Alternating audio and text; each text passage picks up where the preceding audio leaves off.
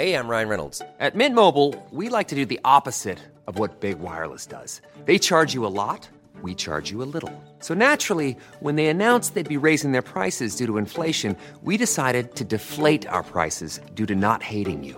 That's right. We're cutting the price of Mint Unlimited from $30 a month to just $15 a month. Give it a try at mintmobile.com slash switch. $45 upfront for three months plus taxes and fees. Promote for new customers for limited time. Unlimited more than 40 gigabytes per month. Slows. Full terms at mintmobile.com. Getting engaged is a moment worth cherishing. A one of a kind ring that you design at Blue Nile can help your love sparkle. Just choose your diamond and setting. When you've found the one, you'll get it delivered right to your door. Finding the right engagement ring can be nerve wracking. At Blue Nile, you'll have the expert guidance needed and a diamond guarantee that ensures you're getting the highest quality at the best price. Cherish all of life's moments and save up to 30% at BlueNile.com. That's BlueNile.com.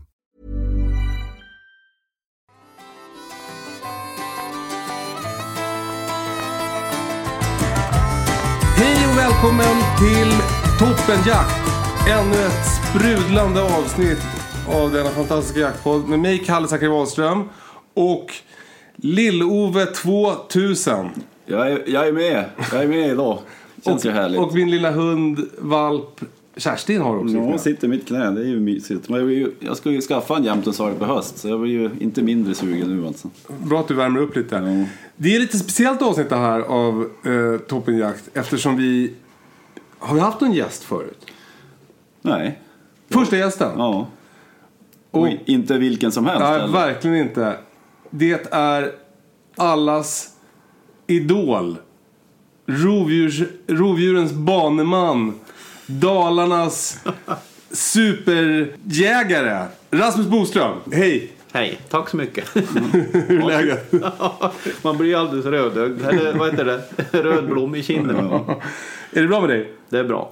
Eh, Vi är ju på Selma Spa i Sunne. Ja. Eh, Vi är blivit hitbjudna för att vara en del av någonting som heter Drömjakt Sunne. Har du förstått vad det är för någonting? Nej, inte Nej. riktigt. Nej. Ja, till viss del har jag förstått själva andemeningen med det. Men, Ja. Och det är väl att vi kommer att... Vi ska väl samarbeta framöver. Mm. Det tror jag är en bra idé. Eller hur? Eh, Och sen ska vi ju såklart ha en mässa 2022. Ja. Eh, Och det tror jag också är en bra idé. Ja. Så ja, i det stora hela tror jag det kan bli bra allting. Verkligen. Ja, jag tycker det känns så kul att, att liksom få eh, som knyta lite kontakter. För, för i jaktsvängen så blir det ju lätt att man, man tittar på varandra med lite i alla fall jag känner mig som lite hotad, lite avundsjuk. Och, alltså det är lätt att, bli, att hamna i det där att man inte riktigt, ah den där verkar inte vara någon. Så träffar man folk och så är de supertrevliga liksom. Ja. Jo, det blir ju lite att alla är sin egen... Ja, Ja, exakt. det är som ensamvargar. Ja, ja exakt. Så det är ju för sig lite unikt också med den här toppenjakt då. Ja. Tänker jag att det är liksom som en liten ansamling. Och det, den här drömjakt egentligen är ju nästan samma, inte riktigt men det är ju lite samma tänk tror jag. Ja, Jag sa det igår. Är det, som, det, det är inte bara att det heter lite likt toppenjakt. Det är också att det ska vara lite som toppenjakt. Fast med vuxna också. Ja, Ja men det har ju varit en svin, svinhärlig helg. För det är så här, jag tycker också att det är intressant. Vi håller ju på mycket med gris och eh, älgjakt och, ja, men, och lite allt möjligt. Men ja, vi har ju aldrig till exempel satsat, eller vi har ju aldrig gjort någon organiserad björnjakt. Vi har Nej. aldrig skjutit någon björn. Vi har aldrig haft hundar som jagar björn. Och, och även det här med rävjakten, alltså att man träffar jägare som håller på med annan jakt än man gör själv. Det känns ju, och ha andra hundraser och det känns ju, det är ju svinkul att bara sitta och surra med folk. De har te- terriers, plotthundar och allt möjligt. Ja, det är kul med han Björn som är här. Som Ja. är som grytspecialist. Ja. Det är ju som en, en värld som jag i alla fall inte har någon koppling. Alltså jag, jag vet ingenting om det. det är ju det är en häftig värld. Ja, men det är också... Alltså jag har eh, sex hundar, fyra, tre jagare över jord, tre jagare under jord.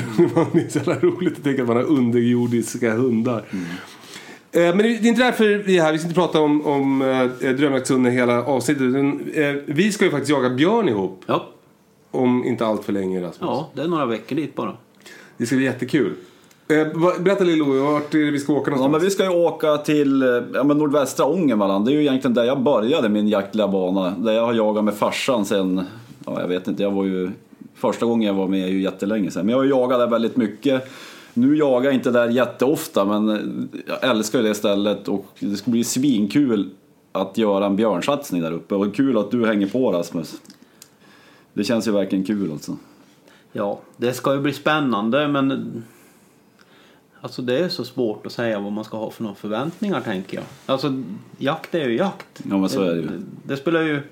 Det enda jag kan garantera är att har vi björn där så är ju chansen stor att vi kommer att hitta den. Mm. Och sen hur det går sen, det vet inte jag. Ja. Ja, men för det, alltså, jag har ju liksom, eh, nästan ingen erfarenhet av björnjakt. Eh, Kan inte du berätta lite Rasmus, hur, hur, liksom, vad är upplägget? Ja, alltså normalt så blir väl upplägget att först och främst får vi göra oss en uppfattning av hur det ser ut på markerna. Alltså vart finns bären till exempel? För det är ju det björnarna tänker på den tiden på året. Det är mat. Det gäller att äta sig fet så man kan överleva vintern. Just det. Eh, och våran, eller min tanke egentligen i det läget, det blir ju att försöka se, alltså någon dag före jakten så får vi liksom få en känsla att ja men i det här området är det gott om bär. Eller där har de ju, det kanske syns att det har gått björn och skit i vägarna till exempel. Och en sån indikation kan man ju säga att okej liksom. Förmodligen så är de i den här delen av marken, förmodligen uppe i något berg. Och sen är frågan om bär, bären har klarat sig högst upp i berget eller i någon slänt eller i nordsluttning, sydsluttning och så vidare. Och då får man ju, i mitt fall så när vi ska jaga där, då får vi ju knalla upp med en hund och se om det finns något spår. Och där har vi ju min gamla plottblaser som jag törs väl garantera att har det gått en björn där sista dygnet, alltså 24-48 timmarna. Det har en 48 timmar också. Nej, men han markerar i regel. Alltså jag kan inte garantera att han kommer att ta det spåret, men han kommer åtminstone visa att här har det gått Hur björn. ser du det på honom då? Ja, han stannar till och så står han och luktar. Ja. Och är det inom ett dygn så brukar han, då, då vill han ta spåret och skäll, så börjar han skälla i det. Och före det så säger han ingenting. ja. Utan han brukar normalt inte säga ett ljud när man går med han förrän han hittar björnlukt. Och sen får man liksom se Ja, man, man kan säga att ju bättre det luktar desto mer skäller han. Så, det är som får- en mätare? Ja, det är som en mätare. Så man får liksom läsa då att ja, men det där känns, eh, det där känns eh, hett. Eller här har vi ett spår som är sen i förrgår för han klarar inte av att ta det men man ser att han liksom fastnar någonstans där björnen har varit lite mer. Och då står han där och luktar och, och så kommer det ett skall. Och så kommer det inget mer. Ja men det är okej. Det är inget bra björnspår. Vi går vidare. Ja, Och häftigt så alltså. får man liksom läsa han på det sättet. Eller jag får läsa han så. För det, ja, men när vi jagar, vi, vi kör ju nästan uteslutande med, alltså bara släpper hunden på frisök. Eh, men det förstår jag ju också, men det här, alltså du har ju två plottar, jagar du bara björn med dem eller? Ja, ja det gör jag. Både gamla blaser nu då, som den yngre bull som jag har. Och det är väl... Det är väl inte så kul för dem egentligen, men grejen är att det är bra. Jag har ändå så pass mycket uppdrag där jag hjälper till med att hitta björnar åt alltså forskningsprojekt och även med eftersök på alltså trafikeftersök och så här. Så för min del så är det viktigt att ha en dedikerad ren björnhund. För då kan jag ju också se, alltså det kan ju vara någon som det händer att man åker ut på trafikeftersök där någon liksom säger att eh, ja det var en liten björn eller en järv. Ja. Och då kan jag liksom ganska snabbt avgöra liksom, okej, gå över spåret med blaser och så säger han ingenting och spåret är fem timmar gammalt. Nej, okej, det, var ingen- det var inte en björn, det är en järv. Och då kan jag ta den andra hunden jag har, finstövaren. För han kommer att ta det spåret om det nu är meningen att den är det. påkörd och så vidare. Men det är ändå skönt att liksom hålla isär det här när man ändå gör så mycket uppdrag så att man liksom kan säga det ena eller det andra. Just det. Ja, men det förstår jag också, för om man, om man nyttjar hunden på det viset att man Ja men här verkar det kunna vara en björn, så går man med hunden i lina och så drar man iväg på ett spår. Och då, ja, men då måste det vara tryggt att veta att ja, men han, den här hunden spårar björn och ingenting annat. Ja, För det är ju också svårt att se björnstämplar tänker jag. Det är ju annat med älg som har hårda klövar, då blir det ju verkligen märken i marken. Ja, alltså problemet när man spårar björn, jag ska inte säga alltid, men oftast är det ju så att första tecknet på att det är en björn man spårar är att man ser inga spår. men sen är det ju ett jätteproblem. Jag har ju min finstövare som jag han jagar ju också björn, men han jagar också räv och så vidare.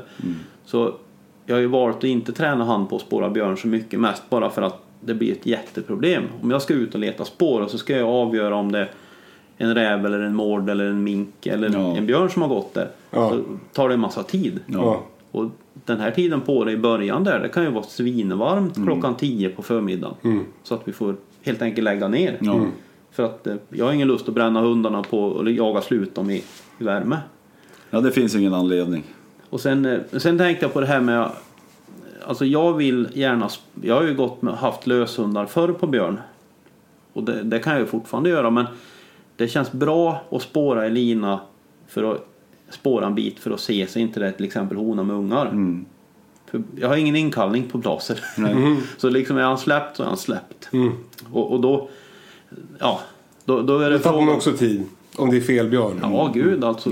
Det, kan ju, det är ju när någon lyckas kasta sig över hunden Ja, i någon väg eller någonting. Ravelli-räddning. Ja, det, han lyssnar ju inte liksom utan det spelar egentligen ingen roll om jag är en meter eller hundra meter bort Nej. lyssnar han lika lite. Just det.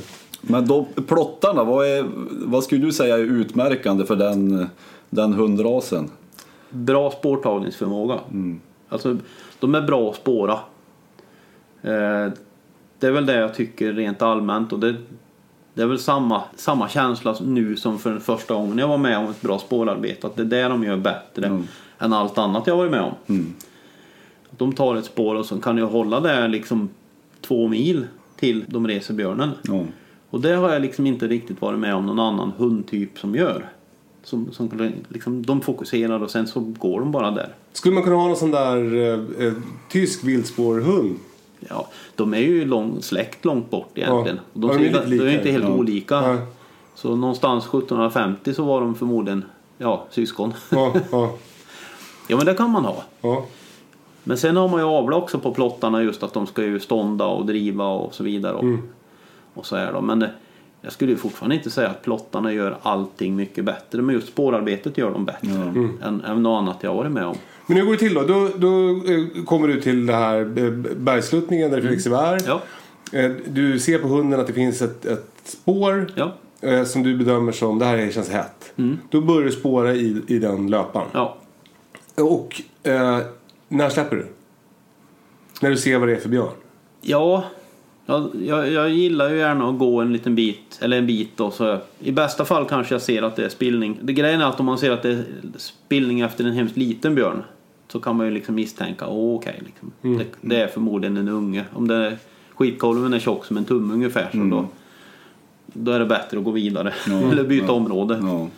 Eh, för, ja, man jagar ju inte honor med ungar helt enkelt. Så, men låt oss anta nu att man liksom ser och ibland är det ju lera liksom eller någonting och då kanske man ser okej, ja men det här verkar vara typ en 100 kilos björn Ja. ensam. Ja men perfekt. Det som kommer hända i det fallet är att vi kommer att ta de yngre hundarna jag har och släppa dem. För Blaser jagar jag nästan inte med. Han har haft ganska, han har väl blivit så allvarligt skadad under sitt liv så det är minst åtta eller tio gånger som han har varit nära döden. Oj. Alltså blivit biten av björn och ja, riven av björn och så här. Oj, oj. Så därför så släpper jag inte han längre. Eller jag släpper han nu ytterst extremt eh, enstaka fall om det absolut är nödvändigt. Ja. Är det på grund av att han har jagat så mycket björn eller är det att han har ett jaktsätt som är, han är lite för het eller? Han har ett jaktsätt som Ja. han är för het. Han- Problemet är egentligen, jag försökte studera det där lite och det är att han för det första är han ju så nära han bara kan. Och sen när björnen gör ett utfall då springer han inte därifrån utan han typ hukar sig. Idiot! Ja, det, det är inte så lyckat faktiskt. Det är det inte. Men jag hade hellre sett att han var rädd om sig. Så för tre år sedan ungefär tog jag beslut att jag spårar med han. Och om det absolut känns jätte, jätte nödvändigt och inte finns någon annan utväg, då kan jag släppa han. Men då är det liksom, då ska björnen ja, dö. Ja, om man ja. säger. Det kan ju vara ett eftersök eller någonting annat som säger liksom att okej, den ska tas. Just det. Men och, eh, då markerar du upp platsen där du, där du släpper spåret och går du tillbaka till bilen och hämtar nya hundar. Ja. Och, och vad hämtar du för hundar då? Då är det Bull och Boss, heter de. Ja. Bull är ju en... eh, Jag tror han är fyra år. Jag hoppas han är fyra så inte han är fem. Plott efter Blaser då. En yngre förmåga.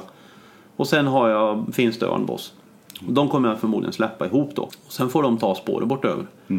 Och sen får de resa björnen och Förhoppningsvis så blir det ståndskall eller så kommer den på drev framför någon som står rätt. Ja, för då, då, kommer vi att sätta ut passkyttar som på vilken älgjakt som helst. ja. Och hur tänker man med passen då? Är det... Ja, någonting som jag alltid har kört med, eller kört i många, många år, det är att vi har ju rörliga pass. Inga fasta pass. Utan oftast blir det ju som ansvarsområden snarare.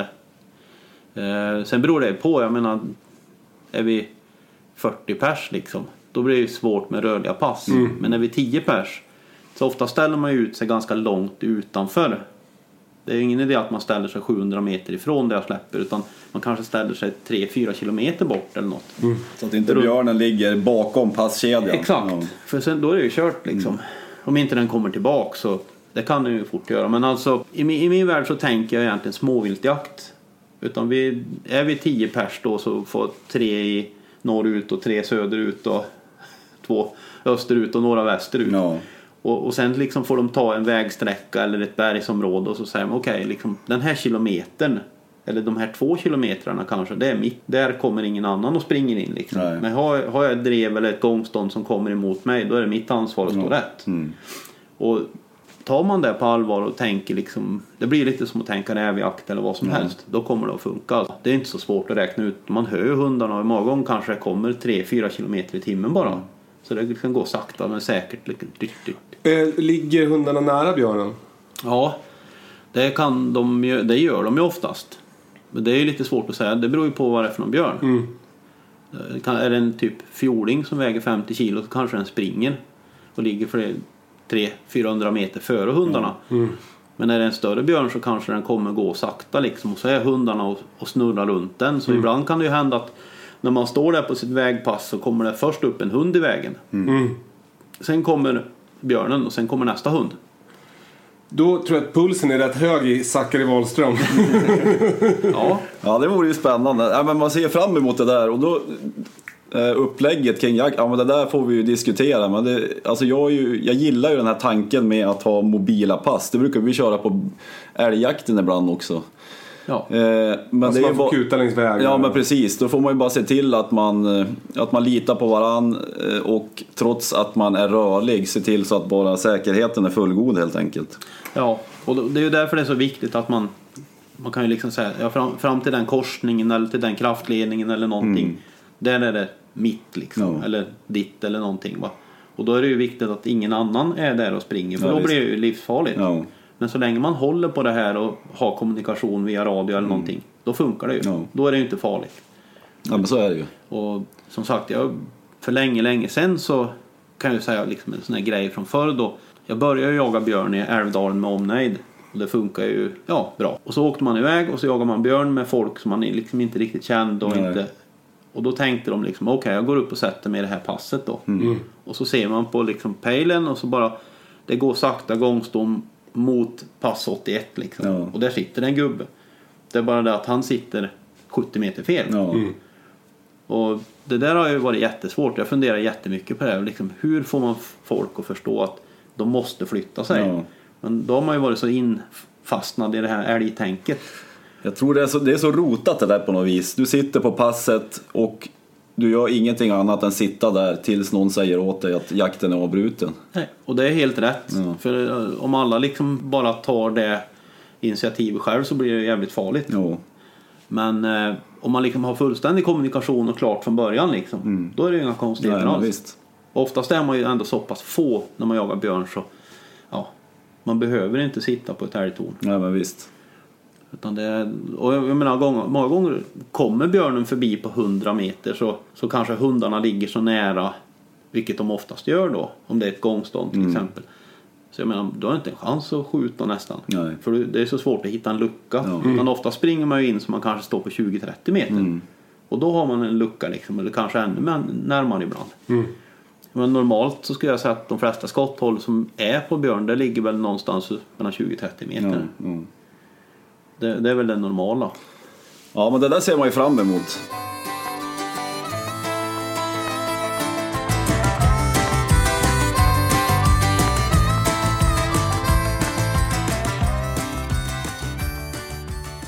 Men om, om det är någon som lyssnar nu då och tänker, alltså, som funderar på att skaffa en plotthund. vad- Alltså vad skulle du ge för tips? På, har, du, har du gjort något fel med dina första plotthundar som du ångrar? Att du hade något upplägg på injagning som inte gick bra eller? Ja, gud ja. det är klart. Det är klart.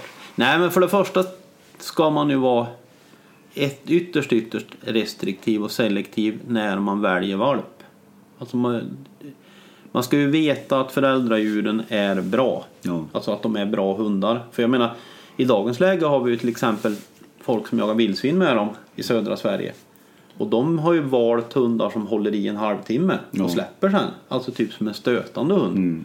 Och jag menar, en sån hund hade ju inte jag velat haft skaffa en valp efter som björnhund då. Nej. Jag tänker egentligen hitta en björn och så släpper hunden efter en halvtimme. Ja, det är inte kul. Det, då blir man ganska ja, ledsen, minst sagt. Nej, och sen ska man tänka på tycker jag att man ska inte ha för bråttom. Och det gäller rent personligen, när man pratar björn egentligen så ska de ju vara mentalt mogna när man släpper dem. Eh, någonstans runt två år. Ja. Det är ingen nackdel. Sen vet jag ju själv, jag menar den hunden jag hade som var med tidigast då, han var ju sju månader. och han blev ju bra. Men eh, det är mycket som kan gå fel. Och det kan ju sätta extremt djupa spår i en ung hund om det hittar fel björn. Ja. Det kan vara det sista björnjakten de gör då. Och det är ju det är som med vildsvinen. Det är, det är, Ja. Alltså de är lite farliga. Och då, Ja, alltså det beror på vilken individ man hittar. Det finns ju jättesnälla björnar som inte gör någonting som är otäckt eller jobbigt. Men sen finns det också jätteotäcka björnar som gör sitt yttersta för att jaga skiten ur en hund. Och jag menar, är hunden ett år då, aldrig sett en björn förr och så får den första liksom en björn efter sig 300 meter. Som bara gör sitt bästa för att komma ikapp. Det, det kan man nästan räkna med att det kommer de, inte... kan, de kan jaga hunden så lä- länge alltså? Ja, det kan de faktiskt. Om de är riktigt, riktigt alltså på gång. Griniga, ja. ja. Och då skulle man ju vara livrädd själv i alla Ja, fall. fy fan. och det är då man vill ha en bössa i handen. Ja. Men då är det bäst att stå still och skjuta bra istället. Ja. Man Istället att springer, inte springa, ifrån. ja. man springer ju inte ifrån dem. Nej. Apropå bössa, vad, vad kör du för bössa? Jag har en Blaser. R93. Eh, 857. Som jag, den, ja, den kalibern har jag haft några år nu. Annars har jag väl haft 9362 rätt många år innan det. Men eh, den är ju rätt våldsam att skjuta med. Den kalibern så. 857 tycker jag var en sån här bra kompromiss. Så... Men eh, ja, jag vet inte. Jag skulle inte säga att vapenvalet som sådant är, är liksom något viktigt. Nej. Det viktigaste är att, det, att man kan grejerna när det behövs. Ja. Att man hittar säkringen och att det sitter där bara. Mm, ja. Men, och när det gäller hundarna då? Du, då har du valt eh, eh, stövare. Eh, vi jagar mycket med spetsar. Ja. Och varför har du inte några spetsar? ja, det var en bra fråga. Jag har ju haft... Ja, den sista spetsen jag hade, Donna, hon gick ju bort för... Ja, ett år sedan. Snart ett år sedan. Hon blev gammal. Eh, och det är väl lite vad man jagar annars med dem och vad man vill ha ut av dem. Eh, jag har ju varit hemskt nöjd med jämten Donna jag hade. Och före det hade jag en Laika som hette Olga. Eh, jag tyckte faktiskt ganska synd om Donna jämten jag hade för hon var så... Alltså hon tyckte att älg, älgspår luktar ju så gott. Och hon var ju så extremt tydlig med... Hon visste ju så att det var så fel. Ja. Men hon, man såg på henne när man gick och le- letade spår. För hon var ju faktiskt också så att när man gick och bandade med henne då. För jag, faktum är att ambitionen när jag skaffade henne var att jag skulle kunna ha henne på frisök. Ja. Men det gick aldrig. Utan jag fick lov att banda med henne till vi hittade ett björnspår. Och hon gläfste ju också i björnspår om det var nytt. Ja, ja, alltså typ 4-5 timmar gammalt. Då började hon hipp, hipp, hipp. Så här. Mm. Och jag såg ju på henne. Hon visste mycket väl att det var jätte, jättefel med ett älgspår. Och hon gick som man såg på hela uppenbarelsen av hunden att det luktade så Ja, gott. Så ja. hon hade så gärna velat jaga den där Ja, älgen. ja. Så jag var rätt synd om henne faktiskt tycker jag egentligen. Mm. Hon, förtjä- hon förtjänar egentligen bättre än att bara jaga björn. Men hon funkade helt okej på björn också. Jo, ja, Ja. Mm. verkligen. Och henne hade jag faktiskt inkallning på. Och det, var rätt, det är rätt skönt faktiskt. Det, just att kunna... Annars blir det det här som... När man släpper en hund som man inte har inkallning på så gör man det ju inte på eftermiddagen. Ja. För annars kan han ju stå där och jaga björn hela natten Ja, då. visst. Utan det är ju så jädra skönt liksom att ha, ja men okej jag släpper Donna. Får vi se. Ja, det kanske är på gränsen till en felmark. Där man vet att det är egentligen ingen idé att ens ringa jaktledaren där. För det är kört.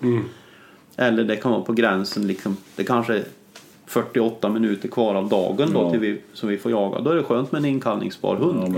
Ja. Okej, det gick bra eller det gick inte bra. Ja, men Donna skriker man så Ja. kommer nog. Men jag tänkte, det plottarna du har nu, du pratar om att, eh, att det kan skilja väldigt mycket i, alltså hur länge de håller i egentligen, alltså drevtider. Hur, hur länge håller dina i? Är det tills de är helt slut eller tills man skjuter djuret eller hur? Till de inte orkar längre. Ja. De kör på tills det... till de inte orkar längre. Ja. Och kommer de tillbaka då eller? Ja, jag lägger sig och sover i regel. Jävla drömliv alltså. Ja. Ja, ja då får man knata dit och hämta dem. Mm. Och ofta får man ju gå tyst då för då får de ju lite förnyade krafter när man har typ 20 meter kvar. Ta av sig kängorna, smyga Ja, och så liksom tjopp, kastas över dem. Få ha hov med Det det. är mycket jakt i dem helt enkelt. Ja men det är det. Och det, det gillar jag ju. Men eh, som sagt, jag, jag har ju haft någon plott med inkallning också men eh, blaser har jag inte på. Tyvärr. Men, men eh, finns det någon som är framgångsrik björnjägare eh, som jagar med, med hund på frisök? Ja, det gör det. Det gör det. Absolut. Jag försöker tänka efter någon just exakt namnet på någon nu. Ja, Nej men- det gör det. Det gör Så det går absolut. att jaga så? Ja visst, absolut det gör det. Och det är väl det roligaste egentligen. Men sen har man blivit lite, eller jag i varje fall har blivit lite försiktig med åren då när man inser liksom att okej liksom. Jag menar du hittar ju alla björnar när du kör på frisök. Även de som har ungar och Ja, det är rätt ja. skönt att slippa det. Mm. Så ja, det, det är skönt att ha kontrollen på det. Man blir mer effektiv då? Men det där tänker Ja, jag också för ja, men alla, säg att vi är tio, nu när vi åker upp, säg att vi är tio passkyttar. Då kan man ju, har man tur då, hitta ett hyfsat färskt spår och så kan man säga, gå ut på radion och säga ja men alltså det är vux, en vuxen björn som, som Mm. Ja. det drev på nu. Ja. Och det är också, det underlättar ju för alla egentligen. Ja, jag menar. Det kan ju fort bli. Vet du inte det från början så jag menar har du en, en tätväxt vägsträcka så kanske du har fyra meter på dig att bedöma om björnen är själv och skjutbar. Ja. och det är ju inte. Även om björnungen nästan alltid liksom är alldeles hack i häl på onan så kanske den är 10 meter bakom. Ja. Så ja, Då är det ju för sent. ja då är det för Ja, sent. ja men visst. Så det är rätt skönt att veta det från början. Men- Eller, eller veta också, kan ju också vara att ja, jag är inte säker. Ja men då får man ju helt enkelt kanske släppa den. Mm. Och så ser man, okej den var själv. Men det här med, med att passa ut på björnjakt, jag tänker, alltså älgjakten, en älg kan ju komma och lomma rakt över ett hygge mitt på dagen medan när man jagar vildsvin kanske de, man sitter lite trängre pass. Din erfarenhet, vart brukar björnarna gå? Håller de sig borta från öppna ytor eller försöker de smita, i, smita över en väg där det är tät plantering på bägge sidor? Eller? De följer ju gärna tätningarna så länge det går om man säger. Sen kan det ju bli, no, blir det någon panik så springer de ju rätt över ett hygge som en älg ungefär. Ja. Men får de välja själv och så kommer de ju efter de här täta bäckdragen till exempel. Ja. Så oftast är det ju ett hett tips om man står och passar av en väg liksom och så har man ett tjockt mm, sån här bäckdrag Ja. som går över vägen. Där det inte är röjt liksom? Ja, och oftast är det ju där de kommer liksom. I, i skydd gärna. Eller i kanten av skydd kan man säga. Ja. Så det är väl ett hett tips och, och, och, och passa de täta partierna helt enkelt. Jag, jag ser fram emot kvällen i jaktstugan, kvällen innan jakten, när vi drar fram kartorna där och sitter och surrar. Det är, ja, jag var ju hyfsat laddad på att dra igång och jaga lite här alltså. Ja, just, den Planera delen, inför morgondagen. just den delen är ju nästan lite jobbig för då känner man liksom när man sitter där och har så jädra höga förväntningar liksom på att allting ska bli fantastiskt och, och sen står man där mitt i kläderna liksom på morgonen och så bara eh, Okej, vad gör vi nu? Ja, vi går med hunden och så får vi se vad som händer. Ja. Men det där förstår jag för eh, alltså, den här björnjakten bygger ju på viss del, eller på ganska stor del på att du kommer med dina hundar. Men jag tror ju alla som är med där uppe har ju jagat länge och vet att eh, alltså, oavsett hur duktig jägare och hur duktig hund man har så finns det inga björnar kommer det inte bli någon jakt. Nej. Det är ju alla medvetna om. Och oavsett hur den där jakten går så tror jag vi kommer att ha ett gäng härliga dagar där uppe i alla fall. Ja. Ja men det tror jag, det hoppas jag. Och som sagt, det är bara folk liksom med på från början att jag menar jag kan ju inte tillverka en björn. Nej. Utan om jag hittar ett spår så kommer vi förmodligen få jakt. Det, det inbillar jag mig. Det, det är så det brukar gå. Men, men alltså, Det har jag varit med om liksom, man- och så säger de man åker till att ja men det är björn överallt här. Och så har man gått där i tre dagar och hittar inga spår och ingenting och så folk ser svinbesvikna ut. liksom jättebesvikna Ja. och bara Ja, jag trodde nog dina hundar skulle hitta björn och så bara Ja, nej men då får man ju vara ytterst ödmjuk och säga nej men okej, det, jag tror inte de fixar det för Istället för att säga att eh, det är inga björnar här. Nej. För det är det ju, tycker de. Ja, ja. så det blir lite så här jättejobbig stämning på Ja, något sätt då. Men, men du, eh, vi ska ju börja jaga den 25 va? 26 tror jag 26. det var. Mm. Ja.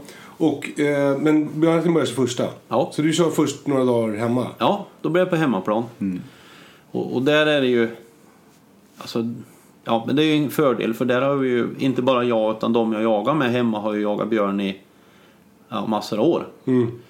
Så där har man ju liksom de här highlight-platserna. Jag menar, björnar som alla andra djur har ju favoritområden där de liksom nästan alltid är i daglega och så vidare. Eller åtminstone där finns det bra bärmarker. Hemma vet vi det. Så därför är det ju alltid liksom ett högriskprojekt att åka iväg till okända marker kontra att vara hemma. För där vet man liksom, okej, har vi inga uppslag, ja men då far någon iväg med sin älghund och släpper den i ett berg. Och så går han runt och skrotar och kollar lite. Och så far jag iväg och bandar av något område över något bergsmassiv till exempel. Ja. Och någon hämtar mig fem kilometer bort till exempel. Och så har vi liksom gjort det. Och det är rätt skön känsla ändå när man är hemma liksom. Alla, hit, har vi inga uppslag då får folk, ja vi är ett gäng på typ 10-12 pers. Ja. Då får de på olika håll liksom. Och sen ringer någon rätt vad det är. Ja fan jag har hittat en björnskit här som inte ser jättegammal Nej. ut. Kan inte du komma hit och kolla på den? Eh, och, och, jag menar sådana här grejer, ja, då är man där och kikar liksom. Jo men fan det är ett björnspår här. Och så rullar det på och sen Ja. hips vips har man jakt. Ja. Det, kul. Den känslan är skön liksom. Men så det, man kan säga att det är lite mer, det är inte, älgjakten då är det lite mer åka ut och sätta sig på morgonen, sitta till, tills, tills hundföraren är klar. Här blir det lite mer att alla får hålla koll och, Ja, och leta spår. Och, ja. Och, och det brukar vara en rätt bra idé tycker jag. Liksom att, men har man ingenting att gå på och ingen känsla för det. Så visst alltså, alternativet är att jag går upp i ett berg, alltså som hemma då. Och så sitter alla på pass där. Men förmodligen är det ju minst lika effektivt om jag går upp själv där. Och de andra kompisarna som liksom har varit med och jagat björn i minst tio år, om inte mer. Ja, de vet ju hur ett björnspår ser ut. Ja. Eller björnvisten om man säger. De har gått och rivit stubbar och Ja. sånt här. Ja, men det är bättre att de far iväg några mil åt lite varsitt håll. Man hjälps så- åt helt enkelt. Ja, och så letar de på varsitt håll. Och någon har säkert någon älghund de vill ha igång 21 augusti. Ja, då får väl han åka och släppa den där borta liksom. Mm. Ja. Och det är ju nästan varje år så liksom hips vips och bara ja men fan det här ser Ja nu har vi ett björnspår och sen börjar vi på att jobba med det och sen är det igång. Ja. Ja. Men jag tänker också det här, äh, nu har det ju blivit ganska mycket större till, tilldelning på björn i Västernorrland. Mm. Och om man skulle lyckas skjuta en björn, vad är det för rutiner efter, efter att man har fällt djuret? Det ska ju kontaktas lite myndigheter och det ska inspekteras och det där har väl du koll på tänker jag. Ja, både ja och nej. För det, för det första ska man ju veta att eh, reglerna ändras lite från år till år. Just tider och lite sånt här och vart man ska ringa och allting. Och sen är det ju olika för olika län.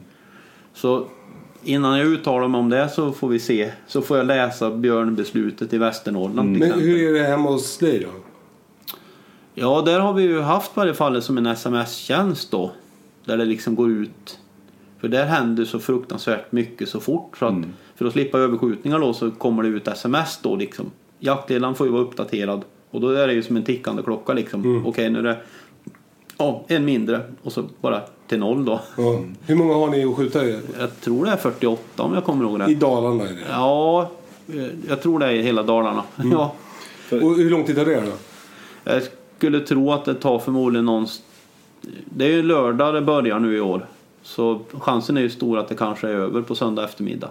Det är svinmycket bra hundar i Dalarna. Och bra folk. Så ja, Ja, då går det undan alltså. För i Västernorrland har det ju varit att man ringer ett eh, telefonnummer till Länsstyrelsen som spelar in, alltså ett mobilsvar. Eller Just det. Där man får, nu det, finns det tio björnar kvar att skjuta. Och ja. Inte lika snabb uppdatering men. Nej, och det har inte gått lika fort där heller. Nej. Så man har liksom inte behövt den där eh, ja, sekundsnabba uppdateringen. Nej. Jag, har ju själv varit med när vi har i stort sett skjutit den sista björnen blir skjuten alltså två minuter före Det, det, när björnen är skjuten så kommer det ett ping liksom att ja nu är det färdigt eller klart Ja, om man säger. ja. Och då är våran en överskjutning Ja, plötsligt. det. Så det, ligger så nära liksom. Ja, ja. Men, eh, men den delen är jag inte så oroad över. För jag menar, Västernorrland har ju fått en ganska rejäl tilldelning i Mm. år. Så jag tror inte att vi behöver liksom hetsa upp oss över den delen. Nej. Där är det lite lugnare och det är inte så mycket folk heller faktiskt som har bra björnhundar i Västernorrland än så länge. Nej. Jag tror det kommer att komma. Mm. Det är som att eh, Västernorrland har liksom varit ja, tre, fyra år bakom. Lite Det, sådär. det kommer bli en explosion efter du har varit med i den här podden alltså. Björnjägare i Västernorrland. Ja, nej, men det är bra marker där. Det är bra marker och det på något sätt tycker jag det är ju skönt när man har jagat de första dagarna. Sen börjar man liksom komma in i det liksom. Då, när man går upp på morgonen så är det inget annat. Man behöver inte tänka på någonting annat än att ta på sig kläderna och så jagar man Ja. hela dagarna. Ja. Den känslan. Ja, det det, det är ju det man liksom lever för på något sätt. Att, Men, men eh, då kommer du till oss och jagar. Ja. Eh, eh, fortsätter du? Åker du runt sen? Ja, Ja. Eh, dagarna före vi träffas vet jag inte vart jag hamnar. Det får jag se då. Mm. Eh, och dagarna eller veckorna efter det vet jag inte heller vart jag hamnar. Det får vi se då. Men det ringer folk till dig då som... Ja, sen har jag ju kompisar som jag jagar med. Mm. Så chansen är ju jättestor att jag kommer att sammanstråla med dem och sen Ja, det blir lite samma. Alltså vi far ut och letar lite kors och tvärs och någon far hit och någon far dit och så går upp i något berg och, och hittar vi något så hittar vi något. Och sen helt plötsligt så ringer det något jaktlag några mil bort och så har de skjutit på en björn eller de har sett en björn och frågar om vi har lust att komma och jaga den. Och så gör har vi det. Och så drar vi. Ja, då har du lust att komma. Ja, oftast. oftast. Och hur länge brukar björnjakten hålla på för dig? Fram i 20 september. Oftast är det ju så att där det har varit björn kvar längst det är ju västra Härjedalen. Alltså Funäsdalen med omnejd då. Ja. Eh, och så kommer det förmodligen bli även i år. Och även norra Jämtland kanske. Eh, för de har ju fått en ganska rejäl tilldelning. Så, men det är ju lite olika. Jag har ju inte så brett kontaktnät där. Så där får man ju se lite vad som händer om det är någon som hör av sig och vill jaga. För jag har ju inga egna marker där. Nej. Utan det bygger på att det är någon annan som är jävligt sugen att jaga björn. Ja, ja. Ja, som, Så om det är någon som lyssnar på den här podden som bor där så Ja, får de till- höra av sig. ja till exempel. Ja. Men inte i början för då är jag upptagen. Då, då svarar du inte. Ja, jag, jag brukar svara faktiskt oftast. eh, Of, framförallt brukar det vara så att jag försöker liksom hjälpa till om det är något eftersök. Ja. De brukar jag prioritera. Jag tycker det känns så jävla onödigt att det ska vara en skadad björn Ja, någonstans. Så Det brukar jag prioritera och kan jag åka en bit för att hjälpa till med. Eller åtminstone kanske jag känner någon kompis som befinner sig i närheten som jag vet att han har bra hundar som kommer lösa det och då skickar jag dit han. Eller säger jag, ja men ring han. Men och sen då, eh, då är det 20 september, björnjakten är slut. Vad, vad gör du då? Ja, då brukar det faktiskt infinna sig några dagar lugn. Ja, Men sen eh, efter typ en dag hemma om man har betalat räkningar och lite sånt där och då är det ju rävjakt. då ska stövarna lös och terrierna och, och, och ut med finspetsen. Det, ja, det är så jävla skönt då liksom när man kommer in i den tiden på året. Då, då, ja. Men du har ju, eller ni, ni har ju bara rovdjurshundar bortsett från en finspets då. Ja. Hur, hur kom du in på det här med rovdjursjakten? För du har väl jagat lite, lite älg bland annat tidigare också? Ja, ja. Ja. På något konstigt sätt så när jag var typ i... Alltså jag är ju uppväxt på en gård i Värmland. Och där var det ju liksom älgjakt, klappjakt på rådjur. I, nästan ingen hundjakt egentligen. Och älga, markerna är ju så belägna kan man säga. Så det är ju ingen lösensjakt där. Utan det är vägar och ja, sådana tråkigheter. Så där var det ledundsjakt på älg. Och jag var, var inte sådär superduper imponerad över det. Man gick, ja, jag var inte så gammal då i och för sig. Så man fattade liksom inte riktigt meningen med det. Nej. Men sen var jag med på första grytjakten. Det var en kille som hade en tysk terrier som sprang ner i ett gryt där. Och jag tror faktiskt inte vi fick den grävlingen. Det var ett satans stort gryt var det. Och det bara gick runt där och det var långt, långt ner. Men då klickade någonting till. Liksom bara, fan, kan man jaga gryt? Kan man göra det med en hund? Och så sen liksom, ja. Och så bara vart det mer och mer. eh. Först var det ju egentligen bara minkar och mårdar och grävlingar och rävar och sånt där. Och sen så vart det som att djuren blev större och större. Ja. Men Allt när- eftersom. När skaffade du din första plott då? Ehm, 2000... Jag kommer inte ihåg om det var 2003 eller något liknande.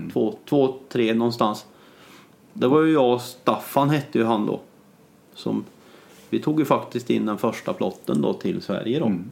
Så jag eh, var ju fattig som en kyrkråtta minst sagt. Hade väl i princip, när, man hade betalat räkningarna så kollade man hur mycket pengar man hade att tanka bilen för resten av månaden. eh, där låg ju pri- prioriteringarna då.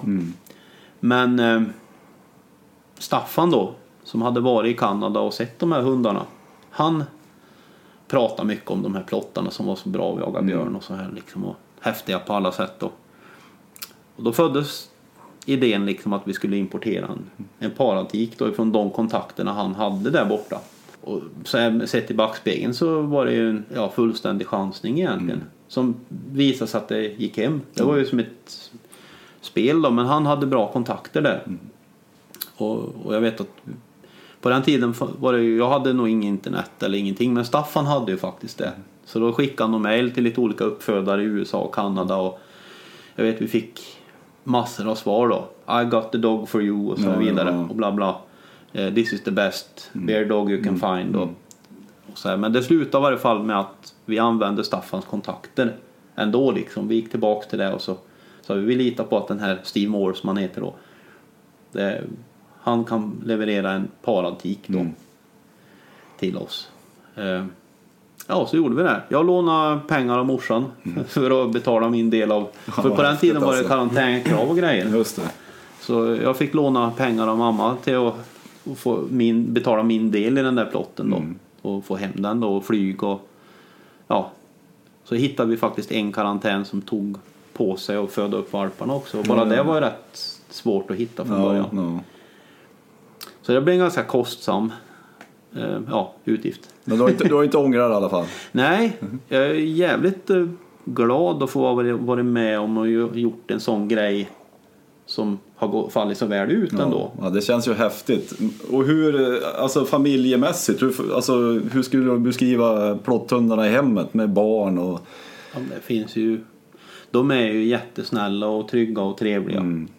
Sen är de som ganska stökiga som unghundar. Ja. Alltså, Liv, livliga och... ja, och skälliga. Och Ja. det, en ung plott tycker jag påminner ganska mycket om en ung finspets. Mm. Alltså de skäller för att de är glada eller för att de har tråkigt eller för att de är ledsna. Eller, Ja, ja. Det är liksom- skäller helt Det är som. Pang-Anders. Men eh, är det någon- något av de linjerna kvar i, i, i dina hundar du har nu? Ja, det är väl någonstans långt bak. Det, det är det. Jag, jag har ju fortfarande hundar från Steve. Det har jag. Eh, Så det är de ju långt bak. Men nu har det ju faktiskt passerat några generationer sedan vi tog in de första plottarna då. Och Chime som hon hette då, hon var ju inte ung när hon kom hit heller då. Så men eh, nej, jag kan inte säga riktigt säkert. Om hon, men någonstans bak i finns hon ju, eller hennes syster eller något sånt där. Men nu, nu sitter man ju och spånar här. Alltså det, alltså, jag, jag, kanske, jag kanske inte kommer att skaffa någon plotthund, men jag tänker tanken, vi som bor, bor i den delen av Sverige där det finns mycket vildsvin, alltså kombinera, alltså jaga gris med en plott i södra Sverige och sen jaga björn med samma plott i norra Sverige när man får göra det. Vad tror du om den kombinationen? Ja, Rent personligen så tror jag inte att plottarna rent allmänt är speciellt lämpade för att jaga björn. Eller jaga vildsvin menar jag. Däremot så tror jag att de kan fylla en jättebra uppgift som eftersökshundar på vildsvin. Mm. Det tror jag. För det passar de till. Men jag tror jag har svårt att se liksom att man har så stora marker och behöver en hund som liksom de- dedikerat jagar ett vildsvin i timmar. Om inte man har jättemycket marker och är ute efter att liksom skjuta speciella vildsvin. Eh, och sen har ju faktiskt många av de här bra björnlinjerna haft jättelätt för att bli rejält skadade av vildsvinen. Ja. Tyvärr. De är för heta helt enkelt. Ja, de liksom... Jag vet att jag hade en plott för länge sedan som hette Kane, hette han. Och eh, testade honom på vildsvin. För jag körde faktiskt lite vildsvin med hundarna jag hade på den tiden. Ja. Eh, Och så testar vi han i ett häng på ett vildsvin då. Och det första han gör då liksom han springer fram och står och skäller. Mm. Och så ser man suggan där hon går till attack. Eller ja, attack. Men alltså hon, hon, hon springer emot hunden Ja. då. Och han gör inte ens en ansats till att ta sig därifrån. Utan han viker undan huvudet bara och väntar på smällen då. Ja. Och det är klart att redan där inser man att okej. hade det där varit en galt. Så Ja. hade han ju kanske varit riktigt allvarligt Ja, skadad vid det här laget. Ja. Och då, redan där kände man att han är inte lämpad för det här. Mm. Eh, sen är jag garanterat säker på att det finns många plottar som funkar jättebra att jaga vildsvin med. Men de, de är lite för ihärdiga. De bra björnhundarna skulle jag säga. Och de är liksom, ligger på för länge på Ja. ett och samma vildsvin. Mm. Så jag har lite svårt att se att det fyller en nisch Nej. som eh, inte en massa andra hundar gör. Nej. Redan. Ja men det är ju bra. Det är ju, känns ju fint att du är ärlig i det där. Det är ju, man börjar ju spåna liksom ytterligare användningsområden. För det har man ju reflekterat över där man har, alltså det är ju mycket, det är ju en eloge alltså att man har två hundar som är dedikerade till björn. Och björnjakten är ju väldigt kort. Så det är ju Ja. några veckor till på året där man ska Ja. ta hand om dem alltså. Ja. Och jag ser ju det många av de personerna eller de kompisarna som jag har som börjar som alltså säg 15 år sedan då och där kring hade plotta liksom och jaga björn men många av dem jagar ju andra saker idag. Det kräver ju så mycket tid och engagemang så att när de har skjutit sina björnar så tycker de liksom att ja, vad fan, jag behöver inte det här utan jag kan köpa en finstövare och jaga räv med Ja. istället eller en älghund. Ja. En gråhund som jag jagar älg med. Mm. Eh, men i mitt fall så har vi ju liksom, ja, jag har ju satsat hårt i varje fall på, jag har ju filmat mycket och filmar ju fortfarande mycket björnjakt. Och, och sen har det ju varit just att det är mycket uppdrag om man säger. Jag har hjälpt, hjälpt till i forskningen en hel del. Jag berättar lite mer om det. Ja, alltså nu har det ju gått ut på att leta och hjälpa helt enkelt folk, eller hjälpa forskarna att hitta björnarna på våren då. Och normalt går det till på det här sättet, alltså de har ju det här är ju ett projekt där man ser, det har ju befunnit sig i Norrbotten redan tidigare. Men nu har man kört det här även i da, norra Dalarna då, Idre. Där man ser hur mycket ren en björn tar helt enkelt. Alltså hur påverkar det? Eh, jag menar första försöket man gjorde kunde man ju se att jag tror det var 53 procent eller 4 eller något sånt där av renkalvarna blev tagna av björn. Oj. På, på sommaren eller på våren då. Och då har man tänkt att man skulle göra om samma projekt fast i södra Sverige kan man säga, eller södra renbetet egentligen då. Eh, problemet är ju att det på fjället och så vidare, där kan det ju vara snö ända in i juni nästan. Men nere i skogslandet där så är ju snön borta. Så det spelar ingen roll hur gärna du vill hitta en björn där så funkar det inte. För du har ingen spårsnö. Nej. Du har någon fläck liksom. Okej, björnen har gått ditåt och det är allt du vet. Ja. Så min uppgift i det här det är att, att använda hund då, i vissa lägen och, och spåra. Och så får helikoptern ligga liksom med bedövningspil längre fram någonstans till de ser björnen då. Ja. Och i vissa lägen så har vi faktiskt tillstånd också att släppa hund. Mm. Eh, och då får ju hunden en pejl på sig och sen får helikoptern hänga på pejlen. Ja, så Kanske får, ha helikopter på passen under björnjakten. Det ja, det vore kul.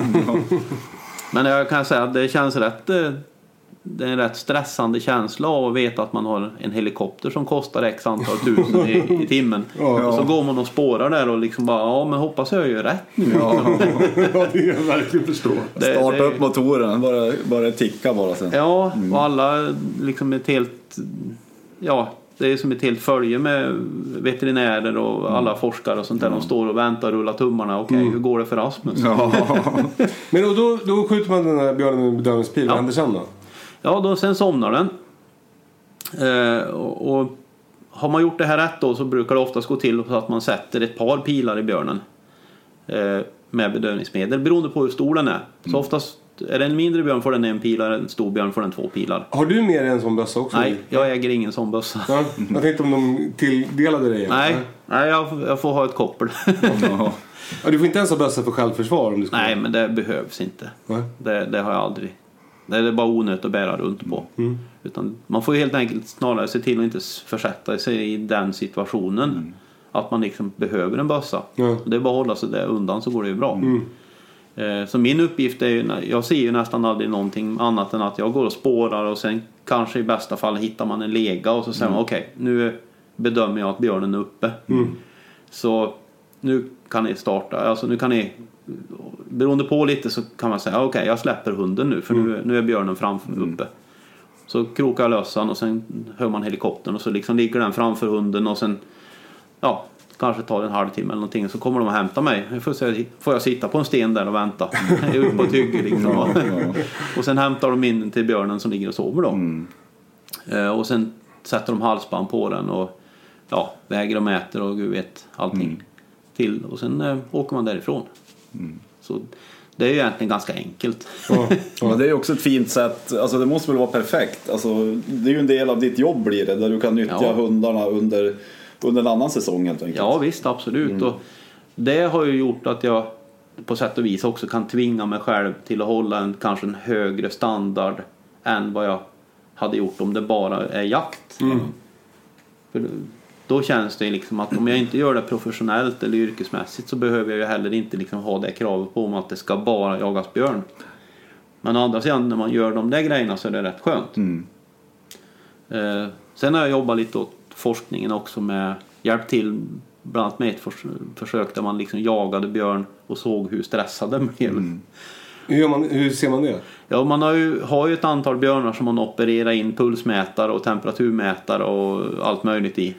Som är trådlösa på något sätt? Då, så Ja, som är in, opererat Ja, i, ja. under skinn och så här. Och sen när det är klart får man operera ur de här grejerna då. Efter några jävlar. år. Så det här är ju ett försök som, men det är ju, det är ju är det två eller tre, tre år sedan är det nog som det försöket blev, eller fyra kanske Mm. rent av. Som det försöket blev alltså avslutat då. Just det. Och Och då, vad visar det då? Det visar väl egentligen inte så mycket. Det visar, för det man var ute efter egentligen det var ju att se om stövare stressade en björn mer än en spets. Alltså olika hundtyper. Och om en hund stressar en björn mer än två hundar och så vidare. Eh, Och jag tror egentligen, om man läser rapporten så kan man nog konstatera att två hundar oavsett ras eller oavsett typ stressar en björn mer än en hund. Och, och ja, skillnaden är väl att man har det på papper så att säga. Men jag skulle fortfarande säga att eh, tittar man på undersökningen så en bra, det en, spe, en spets eller en stövare spelar ingen roll. Den gör samma jobb egentligen. Så det har egentligen ingen betydelse. Det är ju inte så att en stövare stressar björnen mer än vad en spets gör. Ja. det är ju ungefär så- jag som hundjägare är ju mer stressad av att ha två hundar än en. Ja, så är det. Ja. Så är det. Helt klart Måste ha dubbelt alltså. så mycket bajspåsar i fickan, Ja. dubbla koppor, köpa dubbelt så mycket mat. Men, men jag, alltså nu, jag kommer inte ihåg så noga men jag har för mig att det finns ett sånt här forsk- forskningsprojekt på grisar i hägn också för att se om, det, om hägn var eh, oetiskt. Ja. Alltså för, men det visar sig att de blir inte så stressade av att bli jagade. Nej. Det, det är liksom inte så stor grej för dem. Nej, jag tror faktiskt att, att eh, de högsta temperaturerna man någonsin har uppmätt i en björn, det var när den skulle märkas. Alltså det var en redan märkt björn som skulle märkas om. Och det tror jag faktiskt var de högsta temperaturen någonsin då. Med helikopter Ja. och hund efter sig. Och... Ja, den hade ingen helikopter, Nej. eller ingen hund menar jag. Helikopter hade den. Ja. Men alltså den björnen blev så varm så att den liksom, ja den dog inte eller så men alltså den blev jättevarm. Mm. Och, men det de brukar göra då, björnar är ju ganska smarta så för då går de ju ut i en kallkälla eller något och lägger sig Ja, och ja. kyler ner sig. Så, och det gjorde väl även den här. Däremot är det ganska farligt har jag förstått liksom, eller jobbigt för sätter man pil i dem så får de inte gå ut i vatten. Nej. För då drunknar de. Ja, ja. Då sjunker huvudet på dem. Så, men det där är ju någonting som ja, forskarna har full koll på. Ja, hur ja. de ska bete sig och vad de måste göra och så. Ja. Ja. ja, intressant alltså. Det är kul att ha varit med i den världen också. Det är svinroligt. Mm. Det är det faktiskt. Ja, eh, Rasmus, stort tack för din tid och vad kul det ska bli att jaga ihop. Ja, det ska bli kul. Jag hoppas att vi hittar björn. Ja. Då känner jag mig nöjd. Men eh, sen hur, hur utgången blir, jag är bara nöjd om vi får jakt. Ja, men det vore kul. Men hitta björn, det väl blir ju allas vårt ansvar egentligen. Exakt. Det är ju inte bara upp till dig att lösa den frågan. Jag ser fram emot att försöka hålla jämna steg med dig i skogen också. Jag har hört att det går undan. Ja, fast det är ingen brådska. vi får se. Det verkar vara bra, bra drag i linan när du spårar med dem där i alla fall. Jo, det är, det är ju så alltså. Om man pratar rent spårhundsmässigt så man kan ju påverka hundarna på olika sätt. Och, och både Blaser och Bull är ju egentligen så att om jag håller tillbaks dem och går för sakta så blir de frustrerade Ja. och drar ju ännu mer och, och får ännu svårare liksom att hålla spåret. Så i mitt fall så handlar det kanske många gånger om att jag rent av springer med hunden för att han liksom inte ska bli eh, påverkad av mig. Och jag ser det, Blaser han bryr sig inte speciellt mycket. Om jag ramlar i kull och slår mig halvt fördärvad så drar ju han fortfarande framåt. Bull är lite känsligare, den yngre jag har. För om han märker att jag liksom står på näsan och ja, då kan han liksom oj vända sig om och vad händer nu Ja, liksom. ja. Och, och, så min uppgift blir liksom försöka ja, parera det här lite och Alltså för, för eh, en som fullkomligt avskyr att banda med hunden i skogen. Så har jag så svårt att förstå hur du kan ha valt det som din jaktform.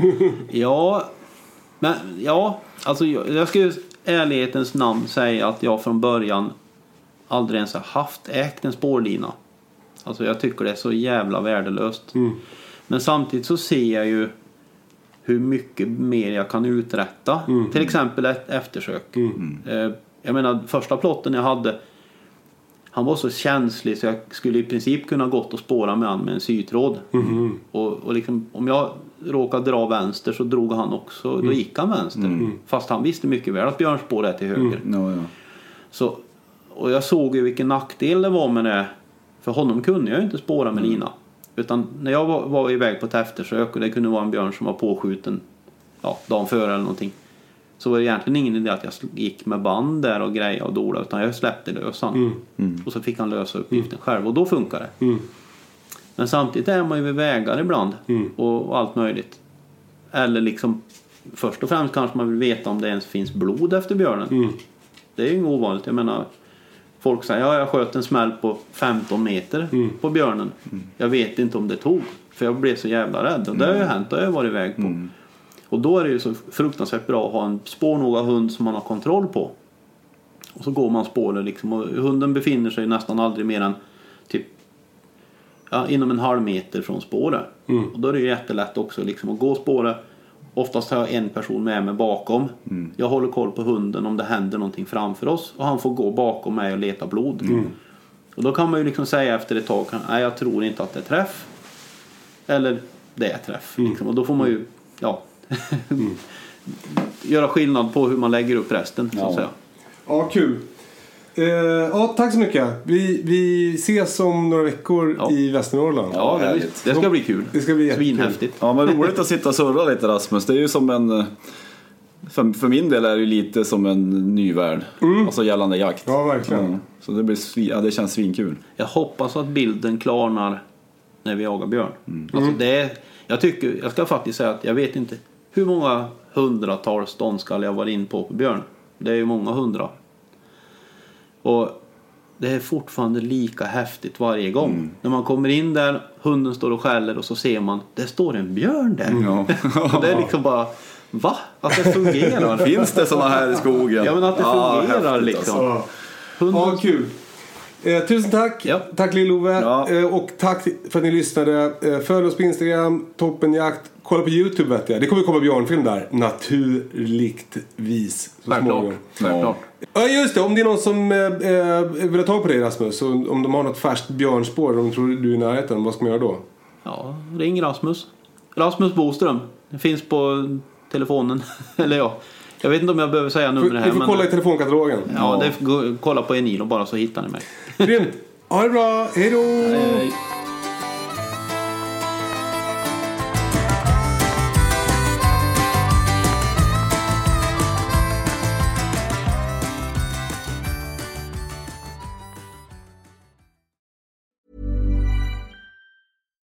Botox Cosmetic, out of botulinum toxin A, FDA approved for over 20 years. So, talk to your specialist to see if Botox Cosmetic is right for you.